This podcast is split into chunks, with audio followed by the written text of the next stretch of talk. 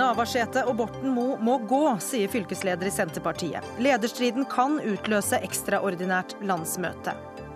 Økonomisk kriminalitet i Norge avsløres altfor sjelden. Nav og tollvesenet bør få politimyndighet, mener utvalg. Foreldre må passe seg for å utlevere barna sine på nett, mener psykologer og jurister. Vi får dronningen av Facebook og sønnen hennes i studio.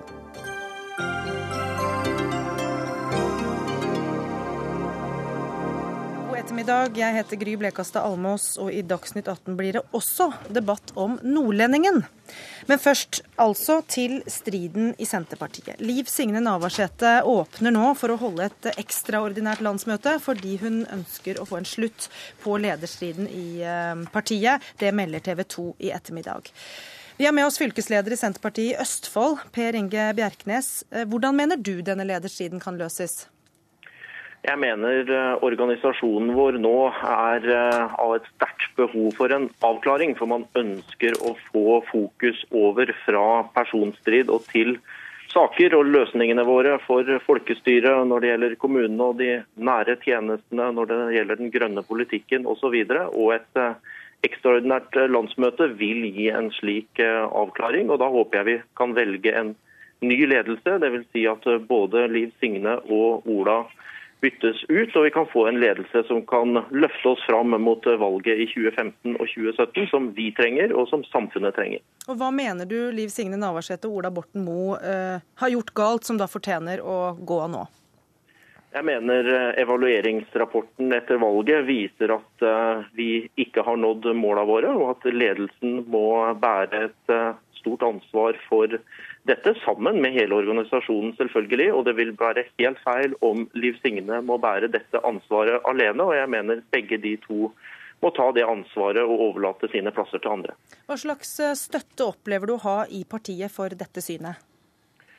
Først og fremst så opplever jeg at folk ønsker en avklaring. Folk ønsker å få fokus over fra personer og til politikk, til våre løsninger, så vi kan løfte oss fram mot lokalvalget i 2015. Og jeg mener at dette er det som vil gi en avklaring. Og jeg håper vi kan få den relativt raskt, slik at vi har god tid til å bygge oss opp fram mot eh, valget. For mange ordførere i 2015 og sette vårt preg på samfunnet og være med å farge samfunnet grønt. Så skal det altså være et uh, møte nå over helgen som skal uh, vedta om det blir et ekstraordinært landsmøte eller ikke. Uh, der skal du være til stede. Hva slags møte blir det? Det er klart at Det vil preges både av det som har vært mediebildet denne uka, men jeg håper også at det vil være Eh, preget av eh, situasjonen på grasrota, sånn at vi får et klart bilde av hvordan eh, folk i hele landet i partiet vårt opplever situasjonen, og hva de mener er nødvendig for at vi skal komme oss videre og få fokuset over på sakene, som er det som folk er med i partiet for. Ja, hvordan opplever folk i partiet denne tiden som er nå? Det er nok en, en frustrasjon ute. og Samtidig så er det jo mange som jobber med politikk hver eneste dag. Eh, I kommunestyrer, i fylkesting, i Stortinget osv. Og, så og som selvfølgelig skulle ønske at den jobben de gjør for partiet, for kommunene og for landet, hadde fått større oppmerksomhet. og Da må denne ledelsessituasjonen avklares. og da mener jo jeg at det, det peker på begge de to, Liv Signe og Ola, som har vært en del av kjernen i de utfordringene vi har hatt den siste tiden. Og hvordan vil du si at denne lederstriden preger ditt verv og ditt arbeid? Nei, er, Vi har jo jobba, og jeg har jobba med politikk i fylkestinget og i sentralstyret gjennom de, de siste åra. Og så det, har det vært tydeligere og tydeligere at denne ledelsessituasjonen begrenser handlingsrommet til, til partiet. og jeg mener jo eh, debattene og evalueringsrapporten og også situasjonen på grasrota tilsier at vi trenger en avklaring. Sånn at vi nå kommer over i en annen modus, kan konsentrere oss om, om folkestyret, våre grønne verdier og de nære tjenestene. Og da er jeg helt sikker på at vi skal løfte oss og gjøre gode valg i 2015 og 2017 til det beste for landet. Nå får vi jo se da hva slags avklaring det eventuelt blir, men eh, hvem mener du bør overta ledelsen eh, etter Ola Borten Moe og Liv Signe Navarsete hvis de trekker seg? vi må få en valgkomité som kan gjøre en god jobb og lytte til fylkeslagene og se, sette sammen en ledelse som kan samle partiet og få, få, ro. Det er jo Trygve Slagsvold Vedum og Marit Arnstad som er de to navnene som er nevnt mest. Men jeg har full tillit til at en valgkomité vil finne en god sammensetning av en ny ledelse som kan få fokus på våre verdier og våre saker, som det er et stort handlingsrom for, med en blå regjering som eh, står for mye av det motsatte av det vi gjør i, i mange saker. Så skal vi være konstruktive og enige med dem der vi også er det. Vi har jo da eh, forsøkt å få noen fra ledelsen i partiet med oss i dag, men ingen i Senterpartiet har eh, klart å, å stille. Eh, bortsett fra deg, da, og det var fint, men ikke i ledelsen. Vi har derimot klart å få på plass to eh, politiske kommentatorer. Og Lars Nehru Sand først, politisk kommentator her i NRK. Hva vil du si om det som skjer i Senterpartiet nå? Det er et høyt spill, eh, hvor noen prøver å nærmest eh, utmatte Liv Signe Navarsete og sette henne i en posisjon hvor hun ikke kan fortsette, eller selv ønsker å trekke seg. Eh, mens atter andre mener, som Bjerknes, at løsningen her er at i hvert fall begge to går samtidig. Spesielt de som eh, har støttet Navarsete, vil ikke havne i en situasjon hvor, hvor Borten Moe får et år på seg til å bygge seg opp som, som lederkandidat, noe som er lite sannsynlig all den tid han ikke sitter på, på Stortinget, som vi vet. Men eh, nå blir det jo da en debatt som munner ut i da ja eller nei til et ekstraordinært landsmøte, hvor man da eh, velger en leder i år istedenfor til neste år. Og det avgjøres da, som vi høres, eh, hører kanskje, kanskje til uken. Når vi hører hva Navarsete selv sier, så skal vi lytte nøye etter. For hun ønsker ikke nødvendigvis et eh, landsmøte denne våren. Hun er blitt rådet til å ikke gå den veien, vet jeg, men hun har også eh, selv ikke det som sitt eh, primære ønske å ha et ekstraordinært landsmøte. Men hun vil eh, signalisere til, partiene, nei, til partiet og til, til eh, oss i offentligheten at hun ikke setter seg selv over partiet, og derfor ikke vil stenge for muligheten, hvis det er det et flertall, eller et stort mindretall, eh, som Bjerknes da taler på vegne av, som mener at landsmøtet er det som skal til nå. Men med disse kravene som kommer om avgang osv., hvor stor er sjansene for at Navarsete kan fortsette? I hvert fall ett år til, da? Nei, Det er jo som sagt et høyt spill, så dette kan jo slå tilbake i den forstand at nå sier både Borten Moe og eh, Slagsvold Vedum til pressen at de ikke ønsker noe ekstraordinært landsmøte. Det vil si at på dette møtet som Bjerknes da skal delta på, så vil det være tre i ledelsen som samstemt råder partiet til ikke å ha et landsmøte. Og da vil, jo, vil man måtte se da om det blir et, eh, et, krav nedenfra om at det skal være et landsmøte, og dermed blir presset igjennom av et stort mindretall eller et flertall, eller om man eh, hører på ledelsen og venter et år og tar sakene eh, i ordna former, da. Berit Aalborg, du er samfunnsredaktør i Vårt Land. Hvilke sjanse mener du Liv Signe Navarsete har fått til å lede dette partiet? Jeg mener jo at uh, Hvis hun har klart det dårlig, så må partiet på mange måter uh, skylde seg selv. Og jeg mener at hun kunne overlevd som partileder med disse tingene som har vært oppe i den senere tid, som har vært omtalt som tabber, hvis hun hadde hatt intern støtte. Og i hele hennes ledertid som, uh, som leder for Senterpartiet, så har en del av partiet, da, med, med det som blir omtalt som trøndermafiaen i spissen, den mer konservative delen av Senterpartiet, de har undergravd henne. Og En av de eksemplene, en av de første liksom, eksemplene som vi kunne se på det, det var på det første landsmøtet der hvor hun var leder i Senterpartiet. Så gikk Ola Borten Moe ut med denne, med denne kronikken sin som et Nei til SV-staten. og Han tok hele showet der, så hun fikk ikke komme fram. Og så har Det vært, altså det er mange episoder som kunne vært nevnt. Sandra Borch har også gått ut mot henne, og nå også ordføreropprøret. Så hun har ikke hatt på en måte fred til å jobbe, og hun har ikke blitt løfta fram av sitt eget parti og gitt ordentlig backing. Men sier ikke det da noe om hennes lederegenskaper, at de kanskje ikke er eh, store eller gode nok? Jo, og der er det jo også kritikken eh, vil være. Og noen mener at hun er for hissig. Sånn at eh, Men, men og det, det, er nok, det, er nok, en del som vil mene, men samtidig så er det Hun har ikke blitt tatt i forsvar, og det skjedde veldig raskt. Så hun har stått i en veldig, veldig tøff situasjon. Men igjen, argumentet er sannsynligvis at hun ikke har vært en god nok leder. Men mangler hun totalt støttespillere i, eh, i partiet, Nerussan? Nei, de har eh, både hennes eget fylkeslag og, og generalsekretæren. mange rundt henne som, som, støtter henne. Men det er riktig som Molberg sier, at hun har ikke hatt uh, fanebærere som har vært sterke nok til at uh, støyen har kunnet lagt seg de, de gangene det har kommet opp. Og det skjer jo gjentatte ganger. Sånn Slagsvold Vedum ble nevnt her som en mulig kandidat å overta, hvis det da uh, blir til det. Hvilke navn vil dere legge på bordet? Ja, Det er jo de som har vært nevnt her. fordi at Noen av de, og særlig da i trønderfylkene, har løfta opp både Borten Moe og Marit Arnstad. Men det er klart at uh, Trygve Slagsvold Vedum er et navn, og noen vil kunne oppfatte han som en slags sånn kompromisskandidat mellom høyre- og venstresida i partiet. Men det blir veldig spennende å se. Men jeg tror ikke du skal gå så langt utafor de navnene vi har nevnt nå. Er du enig der? Ja, for Mange av de jeg snakka med for tre år siden, som da ville svart Ola Borten Moe, sier nå at Trygve Slagsvold Vedum er den beste kandidaten. Eh, Borten Moe har bidratt litt til det selv. Eh, først og fremst å ikke stille til valg, men, men også ved, ved, måten han, eller hans image slik det er i, i offentligheten nå. da. Politikken er tøff. Takk skal dere ha, Lars Nehru Sand og Berit Aalborg, politiske kommentatorer, og Per Inge Bjerknes, fylkesleder i eh, Senterpartiet i Østfold. Det lønner seg å være kriminell i Norge, viser en ny rapport vel å merke hvis man bedriver økonomisk kriminalitet, for den avsløres eh, altfor sjelden. Beregninger viser at den svarte økonomien i Norge utgjør minst 100 milliarder kroner eh, hvert år.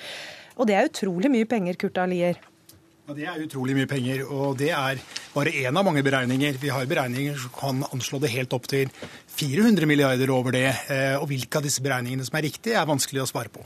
Dere i Juristforbundet har ledet et utvalg som har sett på hva man da kan gjøre med dette. og Hva foreslår dere? Foreslår ganske mange ting eh, som går på bedre samhandling mellom etatene, eh, først og fremst. Eh, det er slik at for at etatene skal kunne gjøre dette med en ordentlig jobb, så må politiet bl.a. kunne være i stand til å ta imot de straffesaker som oversendes. Og slik det er i dag, så er det etter vår oppfatning en ubalanse mellom de ressurser som kontrolletatene har, og de som politi og påtalemyndighet har til å ta imot sakene. Men dere foreslår også mer radikale ting enn samhandling, som går på å flytte politimyndighet over til andre etater? Ja, Arbeidsgruppa i alle fall, som Juristforbundet satte ned, har foreslått det. Jeg vet du ikke er enig, men... eh, vel, Juristforbundet har valgt ikke å foreslå det, fordi vi sier at det krever i så fall ganske store konsekvensutredninger. Men si litt hva det forslaget eh, går ut på. Ja, eh, Arbeidsgruppa har foreslått at man gir politi og påtalemyndighet til kontrolletatene, slik at de kan ferdigstille sakene selv, gå i retten med dem. Og Hvilke de, kontrolletater snakker vi om da? Da snakker vi om Nav, vi snakker om skatt og vi snakker om toll. Eh, dette er jo ikke så uvanlig i utlandet som det har vært hos oss. I Sverige har jo tollmyndigheten dette. Og de gjør allerede disse undersøkelsene. De gjør det bare ikke under påtalemyndigheten og strafferåsetslovens eh, regler. Eh, og det hadde kanskje vært en idé å utrede, i hvert fall sett nærmere på det. Men som sagt, vi foreslår ikke dette, for det er for lite utredet vi kan gjøre det. Trond Eirik Skjea, du er sjef i Økokrim. Hva syns du om det forslaget? Eh, vi er glad for at eh, Juristforbundet reiser denne debatten. Eh, det er et problem sånn som det er i dag. Det er det ingen tvil om, og det er de fleste enige om. Det store bildet for oss er at over en drøy tiårsperiode så har det vokst i disse kontrolletatene. Eh, men det har også vokst i, i granskningsbransjen og de som altså utreder lovbrudd for, eh, for, selskapene og foretakene, som, eh, som, har blitt større. Hva er det som har vokst? Og, altså Omfanget av de som jobber i kontrolletatene har vokst, og de har blitt mye flinkere. Og det har også kommet en hel bransje, ganske stor etter hvert, som, som gransker også mulige økonomiske lovbrudd. Det er fordi eh, det er naturlig å gjøre det. Altså, dette er et område som har vært i vekst. Så det kommer som en naturlig respons på det. Men hva med da å gi dem politimyndighet for jo, å kunne nei, slå men, ned på problemene? Men, men oppi dette bildet så, så, har det ikke vokst på samme måte i politiet. Og politiet har eh, blitt det svake leddet i denne kjeden. Det er eh, alle enige om. Ehm, det aller viktigste strategiske da, tenker vi, det er å for det første eh, se på mengden av alle disse sakene som vi kaller økonomisk kriminalitet.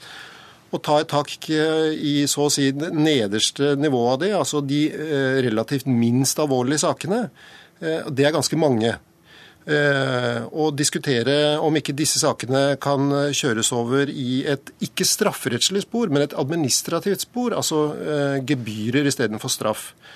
Eh, det er ganske viktig, for da blir den mengden av saker en del mindre, og politiet kan konsentrere seg mer om de alvorlige sakene. Men det betyr at du ikke støtter forslaget om Nei, det, å overføre politimyndighet ja, til disse etatene? Det betyr at eh, jeg ville synes det var eh, trist om dette forslaget nå skulle kommer til fortrengsel for det jeg nettopp nevnte. I så du har et motforslag, på en måte. Skal, du skal få komme til ord igjen. Hadia Tajik, du er leder av justiskomiteen på, på, Stortinget, og du tar til orde for å utrede eh, en sånn ordning hvor man overfører politimyndighet. Hvorfor det? Det er et eh, kontroversielt forslag, eh, og det er noen klare motforestillinger. Og Den tydeligste motforestillingen er jo det at man skal ha en veldig tydelig rollefordeling mellom politi og påtalemyndighet på den ene siden og kontrolletatene på den andre siden. Men argumentene for er jo, som arbeidsgruppen under Juristforbundet har påpekt, eh, i hvert fall to ting. At på sitt beste så kan det føre til en mer effektiv bekjempelse av eh, økonomisk kriminalitet. Og det kan òg frigjøre mer politikraft. Men så er det noen dilemmaer her som man skal nærme seg med stor varsomhet. Og derfor så mener jeg at eh, hvis man i det hele tatt skal begi seg ut på dette, så må man utrede det grundig. Men man ser jo at i Sverige så har tollmyndighetene en begrensa etterforskningskompetanse. Uten at det har satt rettsstaten i Sverige på spill, og at man derfor kan se nærmere på dette og vurdere om det òg passer inn i ordna former òg i Norge. Ja, Hans Røsjorde, du er statssekretær for justisministeren. og Hva tenker du da? Er det et godt forslag, dette? Det er et uh, forslag som uh, nok reiser veldig mange spørsmål. Uh, jeg vil ikke her og nå avvise at det kan være nyttig å se på noe av dette, men jeg syns det er like viktig å holde fanen rimelig høyt for politiets rolle, slik at eh, man eh, ikke reduserer den rollen politiet har hatt så langt. Men er det ikke det som har skjedd, når vi får beskrivelsen her om at alle de andre etatene har vokst mens politiet sakker akterut? Jo, eh, nå er det eh, vel kanskje greit også å understreke at vi for tiden holder på med en politireform som eh, også skal finne sin form til syvende og sist. Og innenfor det arbeidet så vil det være mulig å styrke økoteamene som i dag er ute i dagens antall politidistrikter, og se litt på om du kan få bedre ressurser ut av det, så tror jeg også at et tettere samarbeid, et liaison-samarbeid, kall det det, eh, mellom kontrolletatene og politiet vil være med på å styrke dette. Så jeg vil ikke helt avvise en sånn tanke, men jeg har veldig mange motforestillinger mot å svekke politiets rolle. Jeg hører at det er flere av dere som er litt lunkne til det, men jeg lurer på når det da er så mye som alt fra 100 til 400 milliarder kroner som her forsvinner i kriminelle handlinger som ikke blir fanget opp, hva gjør vi da som alternativ hvis, hvis vi ikke gjør dette? Lier? Jeg vil si at Også arbeidsgruppa har vært klar over de prinsipielle problemene. Dette.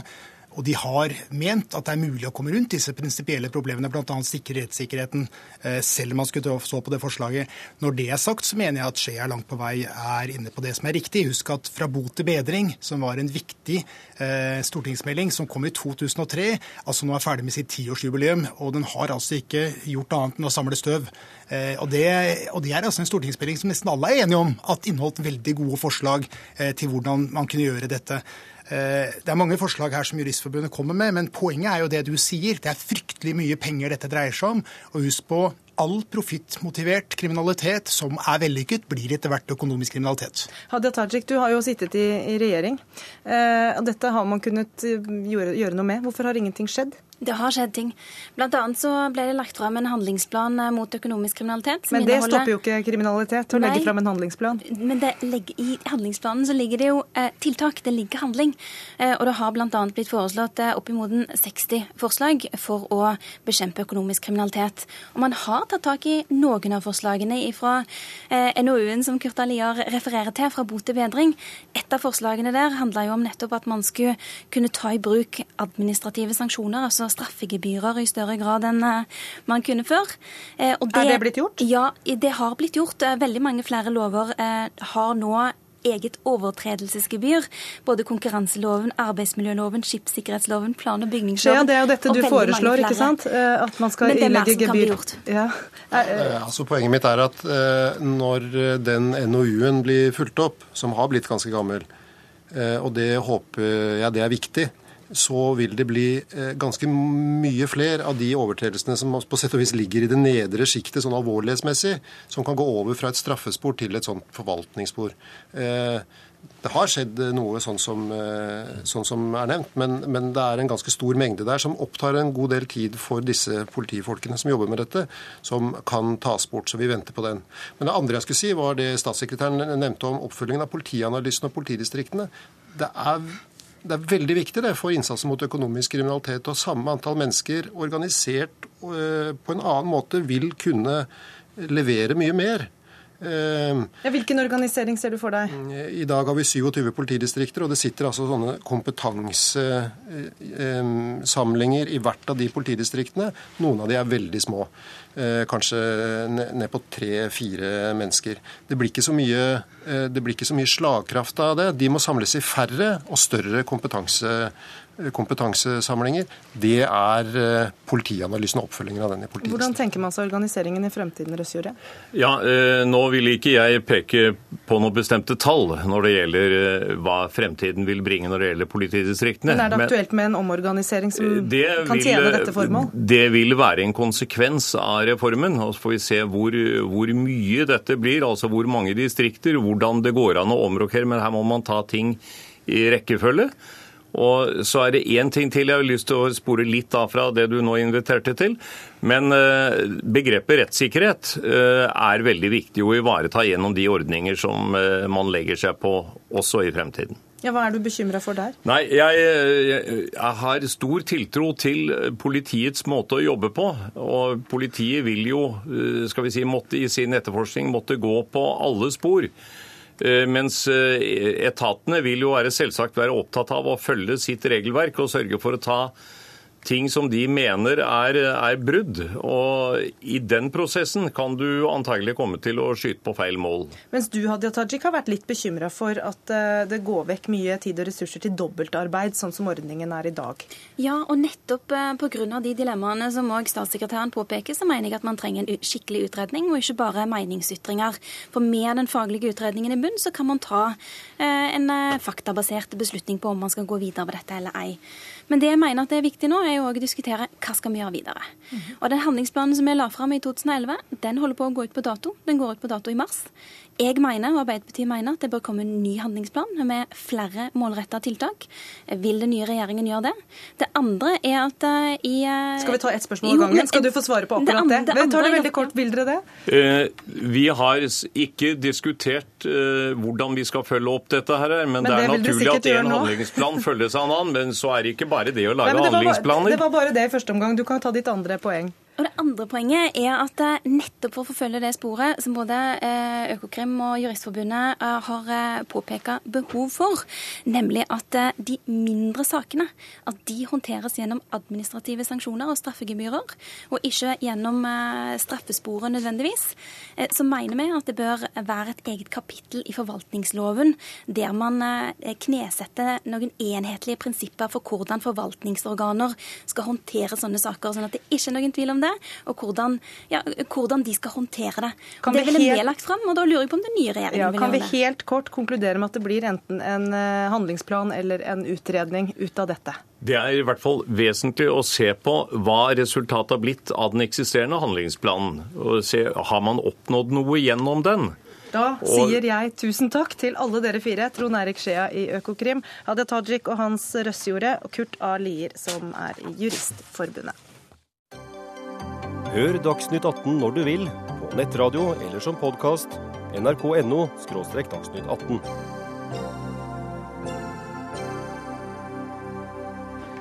Foreldre eh, bør være varsomme med å legge ut bilder og informasjon av barna sine på nett. Det hørte vi psykolog Willy Tore Mørk si her i NRK i morges. Vi har fått besøk av Benjamin Carbo Norheim eh, i studio. Velkommen. Takk. Du er 17 eh, år og sønn av queen of Facebook, som Elisabeth Norheim her eh, kalles. Eh, og hun deler jo stort og smått om deg, både bilder og informasjon på mange steder på internett. Hvordan opplever du det? Um, det er ikke så egentlig så veldig viktig for meg. Hun, bare, hun kan påstå hva hun vil, bare hun ikke legger ut noen bilder av meg når jeg var liten, eller sånn nakenbilder av meg når jeg var liten, eller noe sånt. Sånn babybilder, liksom. Så da Jeg vet ikke. Det er ikke så Det går fint for meg, egentlig. Hun, post, hun skriver egentlig på bloggen sin, så skriver hun bare sånne um, Hva heter det? Uh, hun skriver bare om hva um, hun er interessert i av politikk og, og sånn. ikke sant? Så mm. det går fint for meg. Men uh, jeg er jo en av de som, som følger din mor på, på Facebook. Og det, det, er riktig, det er mye politikk, men det er også mye Jeg føler jeg kjenner deg litt. Uh, og dette er første gang jeg møter deg. Uh, har du noen gang følt det ubehagelig? At hun legger ut ting om meg? Nei. At folk du ikke kjenner, føler at de kjenner deg? Nei, det går helt fint. Har du noen eksempler på ting som du kanskje ikke syns har vært helt 100 ålreit? Um, det var én sånn sak som hun skrev om, som var sånn ungdom og drikking. Og så um, Da var det sånn Det så ut som jeg liksom var sånn Så ut som jeg var sånn perfekt englebarn, liksom. Men det er jo Det er jeg ikke. Så feil framstilling? ja, liksom jeg Jeg gjør jo som hun sier, liksom, men jeg er jo ikke Det bare virket som jeg liksom var eneste ungen som ikke, og, ikke drakk og alle andre er liksom skikkelig bad. Men, jo... men, så var det også en episode med første skoledag og, og, noe som faktisk fikk konsekvenser for deg. Ja. Um, da var det egentlig bare at uh, læreren min spurte meg om jeg følte at det var sånn. At uh, um, det var skikkelig slapp da, på skolen. For det hadde Elisabeth da lagt ut på, på nett at du hadde sagt at det mm. var, og da ble du innkalt til rektor, rett og slett? Nei, eh, det var bare til læreren min. Til læreren min, Vi satt inne på sånn grupperom bare. Så bare spurte han meg om jeg følte at det var slapt og sånn. Eh, så sa jeg bare sånn at de, det var jo de to dagene rett før eh, helgen, ikke sant. Da gjorde vi jo nesten ingenting etter juleferiene. Det var ikke så mye vi gjorde, men vi gjorde jo noe, så klart. Men så så det hun hadde skrevet at du var kritisk til, det var for så vidt riktig, det var det du mente, men du ble altså eh, konfrontert av læreren din? Ja. Fordi det hadde stått på Men han, det var ikke noe sånn at læreren min ble sur eller noe sånt. Det var bare han bare lurte på om jeg følte sånn. Liksom. Elisabeth Norheim, hva, hva, slags vurderinger gjør du da når du legger disse tingene ut? Eh, det er stor forskjell på det som ligger på bloggen min og det som eh, ligger på Facebooken min. Men er, jeg har jo flere tusen som følger meg på Facebook òg, som jeg ikke er venner med. Så, så, jeg skjønner jo at folk opplever det som offentlig. På, på, bloggen min så tar jeg opp ting som jeg opplever som er altså, sånn samfunnsproblemer eller spørsmål eller noe sånt. Så Men jeg, jeg tenker brukte... spesielt på det når du ja. da refererer til sønnen ja, din. Ja, ja, riktig, ja. Hvilke vurderinger gjør du da? Uh, nei, jeg tenker jo på hvorvidt om han syns at det er greit eller ikke. Uh, vi har jo snakka mange ganger om altså, Jeg spør han ikke før, nødvendigvis før hver eneste gang jeg skriver noen ting, men jeg vet jo hva han syns er kleint og ikke.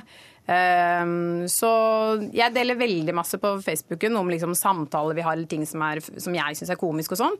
Uh, og så på bloggen så skriver jeg om de tingene som jeg syns er liksom mer sånn viktige generelle spørsmål, der han er en case, da. Mm. Skriver du om moren din også? På... Jeg skriver nesten aldri utenom hvis det er en oppgave på skolen. Liksom. Så, ja, det er ikke noe du er, du er, ikke så opptatt av å, å, være offentlig på nett? Nei. Nei. Sara Eline Grønvold, eh, du er advokatfullmektig i advokatfirmaet Staff og har skrevet en hovedoppgave da, om eh, barns personvern på internett. Hva sier du om dette? Nei, For det første så må jeg jo si at uh, jeg har i utgangspunktet uh, skrevet om barn som ikke har evne til å samtykke selv. Som er litt yngre enn Benjamin. Yngre enn det Benjamin er. Sånn at det er klart, hvis det er sånn at, uh, For det første så høres det ut som at du Nå kjenner ikke jeg bloggen din noe særlig, jeg kikket på den i dag før jeg skulle hit. Men hvis det er sånn at du gjør eh, reflekterte vurderinger rundt det før du legger ut, og han f.eks. da også får mulighet til å si at dette syns ikke jeg er OK, dette vil jeg at du skal slette, så stiller det seg jo litt annerledes enn de bloggene jeg tok utgangspunkt i, som var mer um, sånne typiske mammablogger, hvor på en måte hele uh, funksjonen bak det, eller altså hele budskapet de har å komme med, da, er fortellinger fra hverdagen med barna sine, Unnskyld, og hvor man også deler ting som isolert sett kan være hyggelige og koselige familiebilder, men som i sum utgjør en personvernkrenkelse. Også fordi eh, nå sier jo du, Benjamin, selv at du eh, ikke bryr deg, og da er, jo på en måte, da er det ganske uproblematisk. Samtidig så, hvis det er sånn at man ønsker selv som voksen å f.eks. ikke være en person på internett, være tabula rasa på internett, så har foreldrene dine ødelagt det for deg innen du blir voksen. Og problemet med det er at det kan du ikke endre senere. Og det er klart at det er Ser du mange eksempler på det? Ja, men, det, men samtidig så er det jo slik at altså, eh, pers, eh, altså lovgivningen her, personopplysningsloven, er fra 2000. I utgangspunktet en ganske ny lov, men siden 2000 så har det jo skjedd en enorm utvikling. Og sosiale medier var jo ikke noe tema i 2000. Um, sånn at Vi har nå kanskje ikke sett Nå hørte jeg for første gang i dag faktisk eh, om det var Willy Tore Mørk som sa dette med at det var barn som har blitt utsatt for mobbing med grunnlag i foreldrenes blogging. Um, og det tenker jeg at det er første gang sagt jeg har hørt det. Vi har jo vært mer som føre var i, i, det jeg har skrevet om. Uh, men det er klart jeg tror vi vil få flere og flere saker med nettopp det. Og jeg leste jo også i artikkelen at slettmeg.no får nå henvendelser fra veldig, veldig unge barn. Uh, og da er det liksom rettet mot foreldrene, som tross alt skal være de som beskytter barna sine mot uh, krenkelser, og ikke de som påfører barna dem. Men hva er det store problemet hvis du legger ut bilder av veldig små barn, uh, som man da høyst sannsynlig ikke kan kjenne igjen på de bildene når de blir voksne? I det øyeblikket du ikke kan kjenne dem igjen, så utgjør det ikke lenger en, en personopplysning. Altså det er En forutsetning for at det skal regnes som en personopplysning, er jo at det er et eller annet gjenkjennbart, at det er en opplysning om deg som person. Sånn at det, er, det stiller seg annerledes. Og det er det også en del barnehager som, som holder på med, som lager spesielle blogger for å kunne dele dele, så foreldrene kan få innblikk i hverdagen i barnehagen uten at man skal ha bilde av snørrete unger eller ting som kanskje en 14-åring syns er flaut. F.eks. som du sier, nakenhet. Som en liten unge ikke bryr seg om, og som man kanskje som voksen igjen er stolt av. Men som 14-åring vil det definitivt være for mange oppleves veldig pinlig og krenkende. Men hvem er her da for å beskytte disse, særlig disse minste barna uten en egen stemme, fra å bli eksponert offentlig? Som det jo er snakk om, selv om det er Facebook, så er det jo en offentlig kanal. Nei, det er det som er litt av problemet. Datatilsynet har fått et mandat nå, det manglet de tidligere, til sletting der hvor deling av personopplysninger er uh, uforsvarlig av hensyn til barns beste. Uh, den er så vidt jeg vet ikke brukt, med forbehold om at den har blitt det. Uh, men det er jo også da med forutsetning at noen klager det inn, da. ellers så vil jo ikke de være klar over det. Så får man jo se om det er noe de kommer til å bruke, men jeg mener jo likevel at de har satt terskelen der altfor høyt. For det første så er den altså, ikke harmonerer jo ikke med for øvrig, altså lovgivningen for øvrig, fordi barnets beste skal alltid være et hensyn når man vurderer eh, om man skal, altså alle handlinger som berører barn. Hvis, man, hvis, det må mm. klages inn, skal jeg da sladre hvis jeg syns Elisabeth går for langt i å, å utlevere eh, Benjamin? Eller, eller bli... skal, hvem skal klage når barna er for små, da? Ja, Det må jo bli andre personer, og der mener jeg at Datatilsynet absolutt eh, har en jobb å gjøre når det gjelder å kommunisere hva den hjemmelen egentlig skal brukes til. I tillegg til at det er klart, hadde vi hatt uh, en klagekonvensjon etter, uh, altså en klagemekanisme etter FNs barnekonvensjon, så ville f.eks. Barneombudet kunne klage til en kollektivt. Men det ønsker, ikke, ønsker, man jo ikke per i dag, dessverre. Elisabeth Norheim, hva, hva tenker du om det som blir sagt her? Nei, altså jeg tenker jo at eh, jeg, altså Han var jo ganske stor når jeg begynte å skrive om de tingene. Så, men jeg, jeg, vet jo selv at jeg reagerer når folk legger ut nakenbilder. Til og med jeg reagerer på ultralydbilder, syns jeg er skummelt. Eh, så jeg møter jo selv meg selv eh, i døra på de tingene. Så ja, jeg burde sikkert tenke litt mer over hva det er jeg legger ut. Men jeg får høre det. Jeg har fått beskjed om en del ting som jeg ikke får lov å skrive om. Men hvis, når du eventuelt får barn, Benjamin, hva tror du blir din holdning til dette her? Skal du Med eh, blogging? Ja.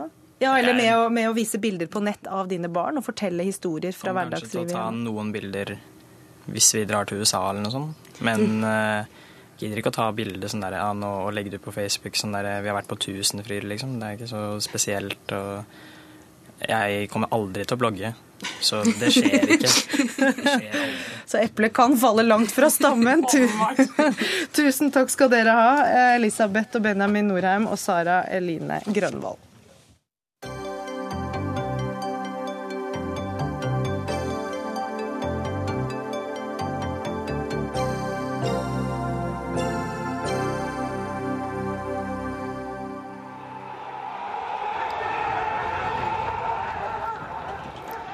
Det vi hører her er eh, London i brann, august 2011. Opptøyene startet da politiet nektet å snakke med familien til en 29-åring som ble skutt og drept av politiet. Nå har politiet fått medhold i retten i at politibetjenten hadde rett til å skyte den ubevæpnede Mark Duggan. Og korrespondent i London, Espen Aas, den kjennelsen har skapt reaksjoner. Hvilke? Ja, det var jo særlig den dagen da, da, kjennelsen kom, så skulle politiet øh, forsøksvis ha en pressekonferanse øh, utenfor rettslokalet, hvor familien til Mark Duggan og mange av støttespillerne begynte å rope skrek og overdøvet politiet fullstendig. Og jeg tror ganske mange her i London kvapp til og tenkte hva skjer nå? Fordi at uh, det som jo utløste disse voldsomme opptøyene, var skuddene som, som drepte Mark Duggan, men også som åpnet opp for et, uh, hva skal vi si, et underdemmet raseri uh, fra mange år tilbake, i særlig de afro-karibiske miljøene her i, i London, og andre minoritetsmiljøer som føler at eh, politiet ikke er der for dem, men mot dem. Og dermed så ble det litt av noen dager med opptøyer, med brann, med knusing av vinduer osv. Og det spredde seg jo fra bydel til bydel, og også ut av London og over i andre store byer som Manchester i, eh, i England. Og hvorfor er følelsene så sterke rundt denne saken? Dette er eh, på mange måter eh, noe som kommer med jevne mellomrom. Hvis vi ser gjennom eh, de 50-60 årene av historie hvor, hvor, Storbritannia har vært et flerkulturelt samfunn, helt fra 50-tallet, da folk flyttet hit fra de gamle koloniene, som de da kunne, de hadde rett til å flytte hit hvis de ville så var det kulturforskjeller, eh, og det ble sammenstøt. Eh, mange følte seg utenfor, utenfor alt man kunne være utenfor av. Og det ble gettoer. Folk holdt seg for seg selv, for det var ikke noen del av samfunnet de, de tilhørte.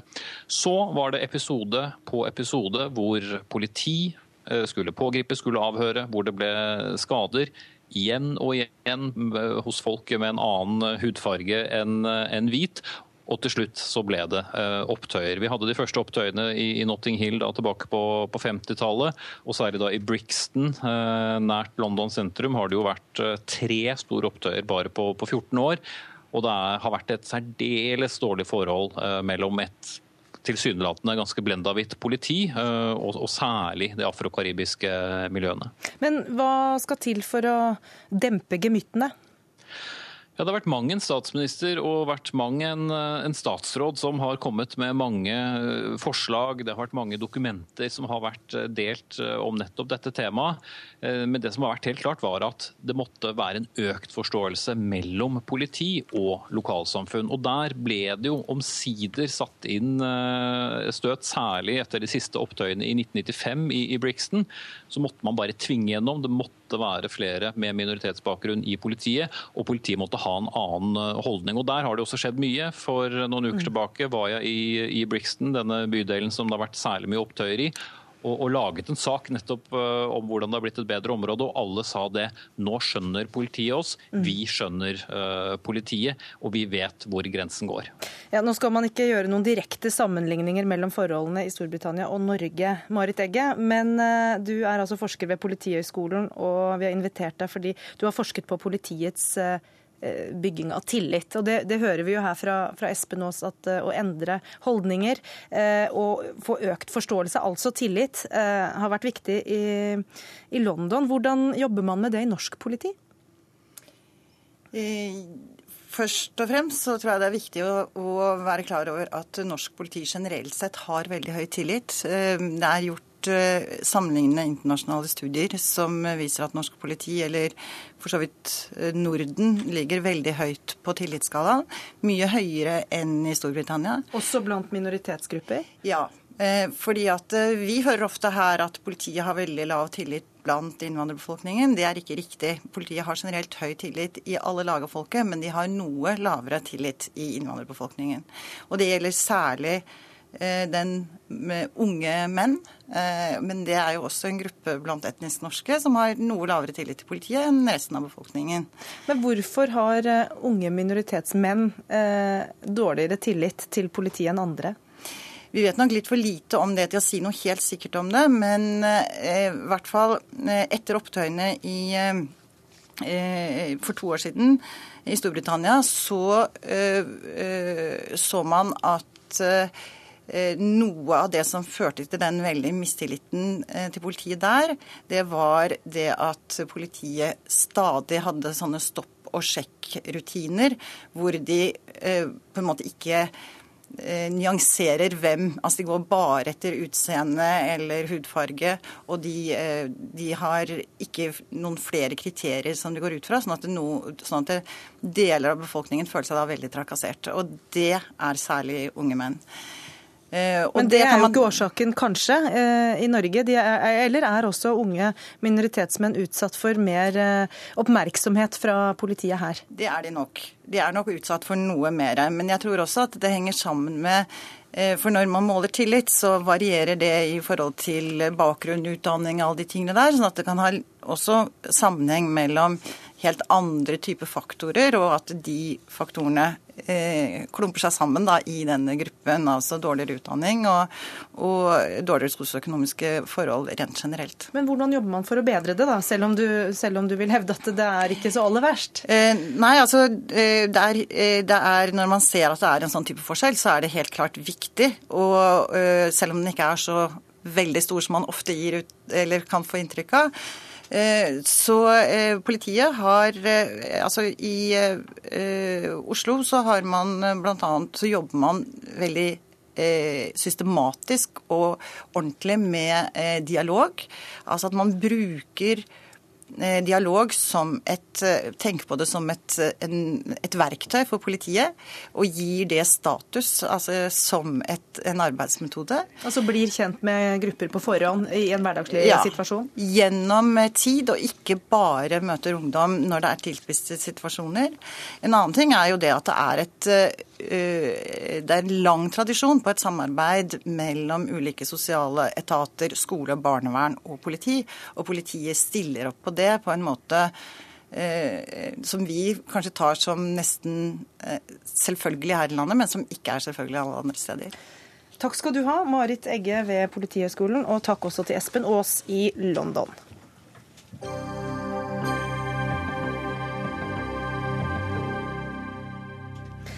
Kvinner som hisser opp menn, og menn som ikke kan styre sine drifter. Slike myter om voldtekt eksisterer fortsatt, og også blant dommere som skal dømme i voldtektssaker. Det viser en rapport fra NTNU. Håvard Holm, velkommen. Leder i uh, Dommerforeningen og også lagdommer. Hva tenker du om at 13% av dommere mener at kvinner som hisser opp menn, må ta konsekvensen av det, som da er et av funnene her? Ja, jeg må jo si at Denne undersøkelsen ble i hvert fall jeg kjent med i dag. Jeg bare rukket å se kort på den. Eh, det jeg eh, umiddelbart syns er gledelig, det er jo det man konkluderer med, nemlig at, at eh, både lekdommere og fagdommere i liten grad hadde stereotypiske og feilaktige oppfatninger om voldtekter. Men de har dem, og det er de som skal dømme i voldtektssaker. Og 13% mener altså at en kvinne som hisser opp en mann, må takke seg sjøl. Vel, det jeg har si, i løpet av dagen i dag prøvd å, å, få litt nærmere rede på, det er jo hva man egentlig her dels har spurt om, og hva man kan legge i svaret. Mm. For hva betyr det å ta ansvar? Eh, det vil jo være bekymringsfullt hvis det i dette ligger at man mener at en kvinne i den situasjonen ikke har det rettsvernet som, eh, som, som andre kvinner vil ha, nemlig og med den konsekvens at en mann som da har eh, begått en voldtekt i en slik situasjon, ikke skal kunne straffes. Det vil jo være alvorlig. Men spørsmålet er om det er det som ligger i, eh, i spørsmålet eh, og eventuelt i svaret, og det, det, er jeg litt usikker på. Eh, om det er det man kan lese, lese ut av det. Hva tror du ligger i det, Hege Salomon? Du har vært bistandsadvokat i flere voldtektssaker. Jo, det jeg ser, er at uh, når jeg er bistandsadvokat i, i jurysaker, uh, eller lagrettesaker, så, så, sitter man ofte med en viss uro når de går ut for å vurdere skyldspørsmålet. Uh, og jeg er ikke helt trygg på at de alltid vekter bevisene på samme måte som det fagdommere gjør. Og jeg syns det er bekymringsverdig at de ikke begrunner sitt resultat. Og jeg er redd for at enkelte lar seg påvirke av stereotype oppfatninger. Eh, av kvinner, eh, og også andre utenforliggende hensyn, sånn som sympatier, antipatier, eh, slike ting. Hva tenker du om det? Er det... Nei, nå er, nå, nå er, jo stikkordet her jury, og, og, det er klart det er en problemstilling for seg. Fordi eh, mitt utgangspunkt da jeg leste dette i dag, det var at man kan ikke forundres over at også de som tjenestegjør som, som meddommere, eh, lekdommere eller for så vidt som fagdommere, at de har også med seg eh, skal vi si, en, en, en, ryggsekk hvor man har både holdninger eh, og meninger. Sånn, sånn, må det være, og det kommer vi aldri bort ifra. Men hvis man ikke klarer å legge fra seg de holdningene når man skal fatte en dom, Nettopp. Som Solomon her er bekymra for Og det er jo det som er hele poenget. Og da tenker jeg at når man ikke kan skal vi si, ekskludere enhver. Det, det er ikke praktisk mulig å ekskludere enhver som måtte ha slike, slike eh, holdninger og meninger fra å gjøre tjeneste som, som f.eks. meddommer i Norge. Men vi må ha et system som er så godt at slike holdninger ikke får gjennomslag. Og det jeg merket meg, det som rapporten sier innledningsvis her, det er jo det at det, om slike holdninger Eh, for, eh, har betydning for resultatet i de enkelte saker. Det gir ikke denne undersøkelsen noe svar på. Og jeg tror at det systemet vi har i Norge i dag, i utgangspunktet er så godt at den type holdninger ikke får gjennomslag ved avgjørelsen av den enkelte sak. Eh, ja, eh, det er ikke alltid min erfaring. Eh, jeg har i hvert fall opplevd at, eh, at juryen har kommet til veldig merkelige resultater. Det har bl.a. Eh, vært en sak hvor tingretten dømte eh, i en voldtektssak. Det var en overfallslignende voldtekt som skjedde natterstid, vinterstid. En kvinne som da ble voldtatt av en ukjent mann. Han ble også etterlyst. Eh, og, og da kom da juryen til at, eh, at, han da ikke hadde voldtatt. Han svarte nei på spørsmålet eh, om han var skyldig. Og det var jo svært overraskende. De fikk da et nytt spørsmål om det var grov uaktsom voldtekt. Dvs. Si at han burde ha forstått det, at han voldtok henne. Og det svarte de da ja på. Men du beskrev det som en overfallsvoldtekt. Hvorfor, hvorfor var det, hva var de formildende omstendighetene, eller? Hva lå i den dommen? Hva, vi vet ikke hva juryen tenkte, og det er det som er litt skummelt. Derfor så mener jeg at juryen er eh, en fare for rettssikkerheten, eh, og i hvert fall eh, når man da ikke begrunner sine dommer. Men da går du løs på juryene og ikke ja. på holdningene eller disse stereotypene. Det er ikke de ja. du er bekymra for, altså? Jo, jeg er bekymret, men jeg tenker at det er noe man kan gjøre for å, i hvert fall slik at man får vite hva de tenker. og man, Da får man vite om man da legger vekt på de uheldige holdningene man har. For denne, denne undersøkelsen dekker jo jurymedlemmer, ja, men også fagdommere. Eh, et, et, annet eksempel da, er at 11 eh, mener at kvinnene anmelder voldtekten fordi de ikke er blitt voldtatt, men angrer på å ha hatt sex med, med et menneske da. Eh, er det, er det grunn til bekymring når man ser at de holdningene fins, også blant de som skal dømme? Jeg tror aldri man kan komme bort fra at noen kan ha slike holdninger, men vi må sørge for at systemet er godt nok. og Der er jeg helt enig med advokat Salmon.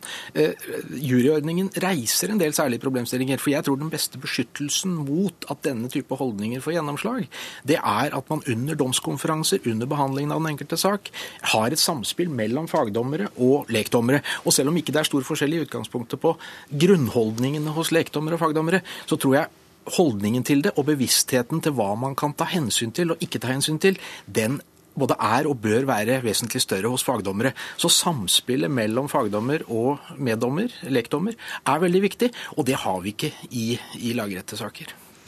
Jeg er også helt enig. Og så er det et annet eh, tiltak som man kan iverksette. og Det foreslår vi i Voldtektsutvalget i NOU-en fra ord til handling.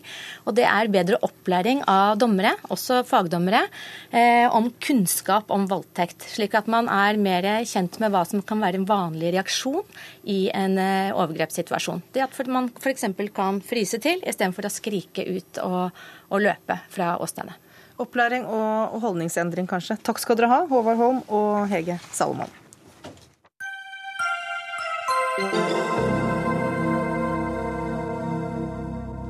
Vi skal til Nord-Norge, der det nærmest er opprør mot fremstillingen av nordlendingen i mediene. Aviser og TV-programmer gosser seg i beskrivelser av breikjefta, bannende bygdeoriginaler som kjemper mot naturkreftene i fiskevær og på gudsforlatte snøkledde vidder. Og nå sist så er det jo 90-åringen Arne Pedersen, da. Han som nekter å betale bot for ikke å ha flytevest i båten. Han får så mye ufortjent oppmerksomhet, mener du, Gard Michaelsen, redaktør i avisa Finnmarken. Forklar.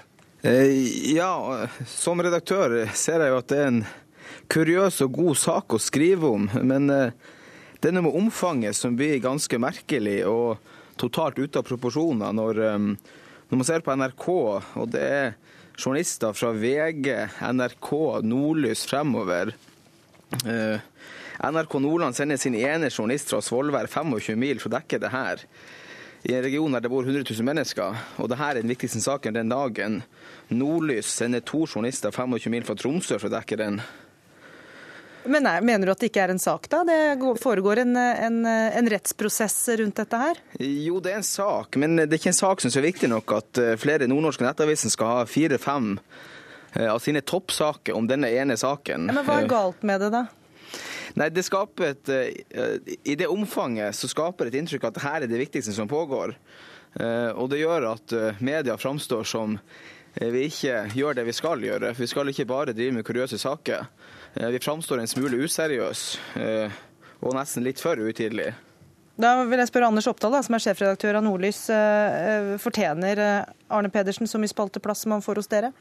Ja, Det er i hvert fall sånn at det er veldig stor interesse rundt den saken. her. Jeg har vel knapt vært borti en, en sak om en 91-åring som har skapt større engasjement, både i form av debatt senere, vi sitter jo her nå, i sosiale medier osv., men også i forhold til, til, til, til, det vi ser i forhold til mest lest osv. Men nå er det jo inntrykk av nordlendingen vi først og fremst debatterer her, og dere har jo gjengitt denne Arne Pedersen på dialekt, og dere har referert banning. Og hva gjør det med inntrykket av nordlendingen som sådan? Ja, altså det, det det, langt på vei så er jeg enig med deg det at det er uheldig å bruke dialekt. Eh, altså det, det, blir veldig karikert, dialekt og bannskap og sånn. Så det, det, er ikke sikkert at det er riktig av oss å, å, å gjøre det. Eller det, er ganske sikkert at det er feil. Men det er en god sak. Dette handler eh, om en 91 år gammel mann som tilfeldigvis i dette tilfellet bor i Nord-Norge. Han opplever eh, at det, det, store statsapparatet bruker det han mener er uforholdsmessig mye kraft på å straffeforfølge ham. Det er jo det han søker oppmerksomhet rundt. Det han ønsker å eksemplifisere, eksemplifisere vise galskapen rundt. Jeg tror at eh, Om det her hadde dreid seg om en pensjonert trikkesjåfør på Stovner eller om en bonde på Jæren, så hadde det også skapt ganske stor eh, interesse eh, landet rundt. Sånn at, ja, Michaelsen, Er ikke dette helt greie argumenter da, for å kjøre denne saken eh, stort? Jo da, det er det jeg sier at det kan godt kjøre stort, og det kan godt ligge på topp, men det trenger ikke være fire av fem toppsaker om denne ene saken. Eh, og Når Nordlys kjører to personer 25 mil én vei for å dekke en sånn rettssak, så framstår det merkelig. Altså, Denne uka her var det jo en, i Hålogaland lagmannsrett lagmannsrett en overgrepssak, Nord-Norges største overgrepssak noensinne, som dere ikke var til stede og dekte. Og Da framstår prioriteringa så merkelig eh, sett utenfra.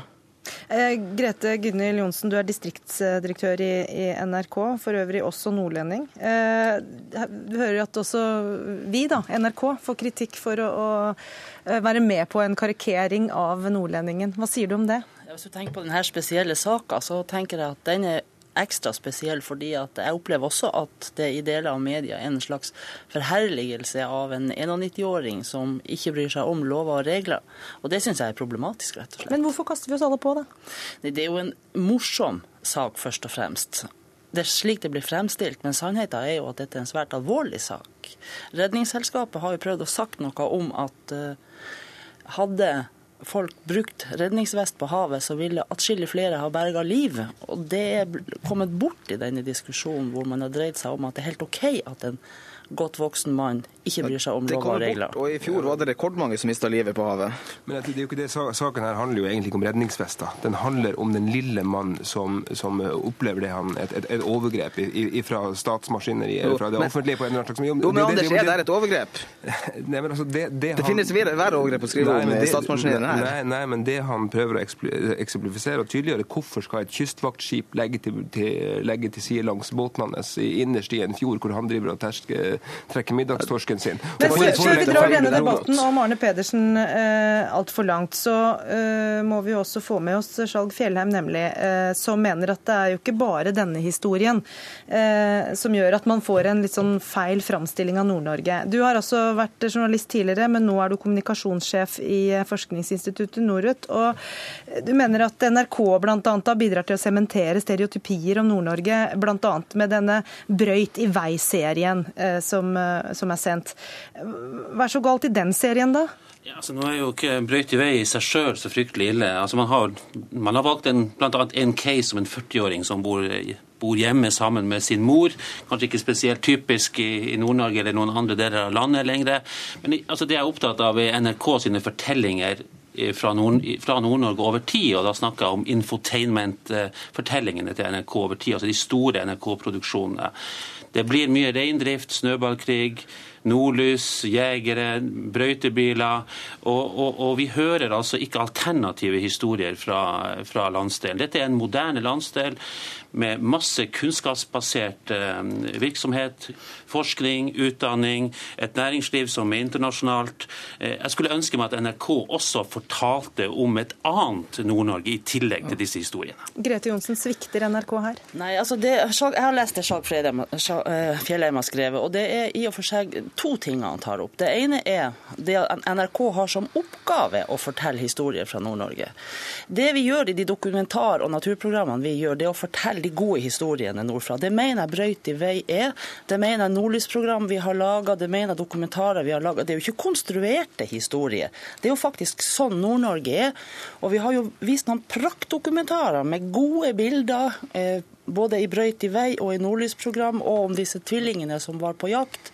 Og det er jo faktisk ikke karikerte figurer. Det er sånn det er. Og jeg må bare si at spesielt han, som, han brøytesjåføren som det blir henvist til, han er jo faktisk en moderne mann som har påtatt seg en omsorgsoppgave hjemme. Og så har Charles Fjellheim en veldig godt poeng, men det dreier seg om nyhetsdekninga av Nord-Norge. Og der mener jeg at både NRK og andre mediehus kan, se, kan diskutere med seg sjøl om vi er flinke nok til å fortelle om det viktige næringslivet i Nord-Norge. Men det er to forskjellige sider Nei, altså, jeg, jeg, mener det, Grete, jeg mener det at det er fullt mulig for NRK å lage en annen type ramme rundt sine serier, sine store produksjoner fra Nord-Norge. Det blir mye utkant, kulde, kjappe replikker, mennesker i kamp mot naturkreftene osv. Men gjelder kan... dette bare i Nord-Norge, eller er det andre deler av landet som også får fortalt tilsvarende historier om seg og sine liv? Ja, jeg, jeg, jeg, jeg, tror kanskje at NRK er med på å reprodusere myter om Nord-Norge, dessverre gjennom disse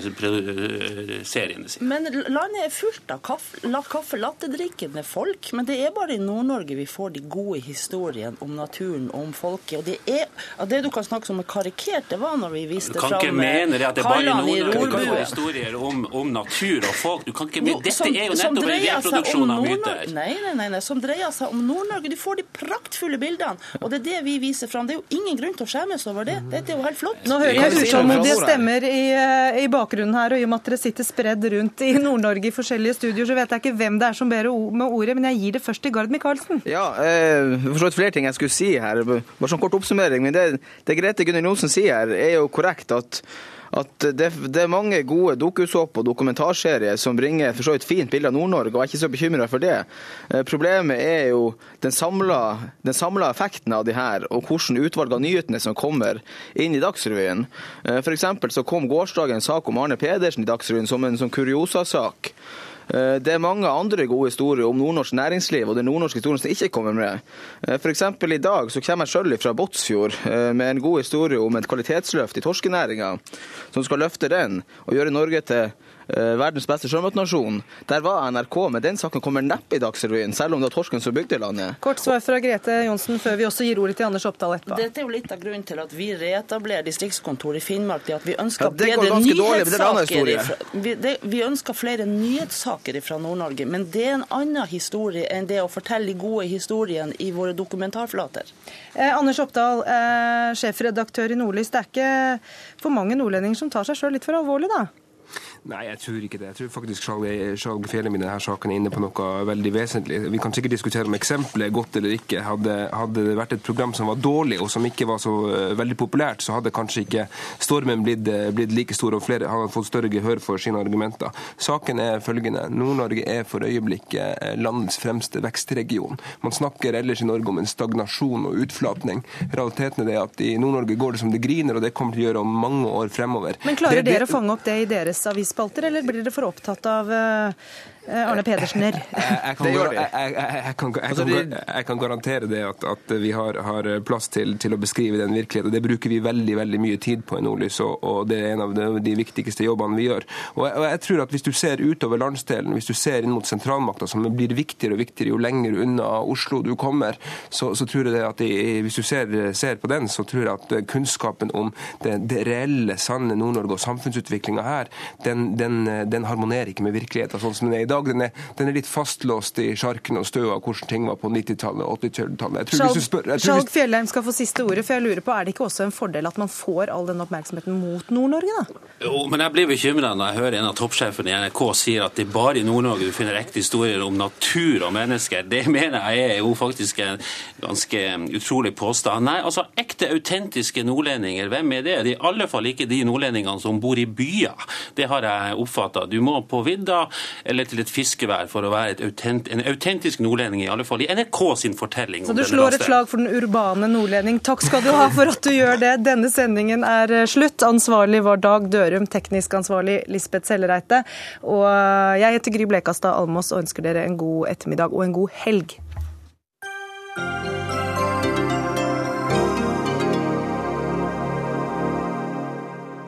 Hør flere podkaster på nrk.no podkast.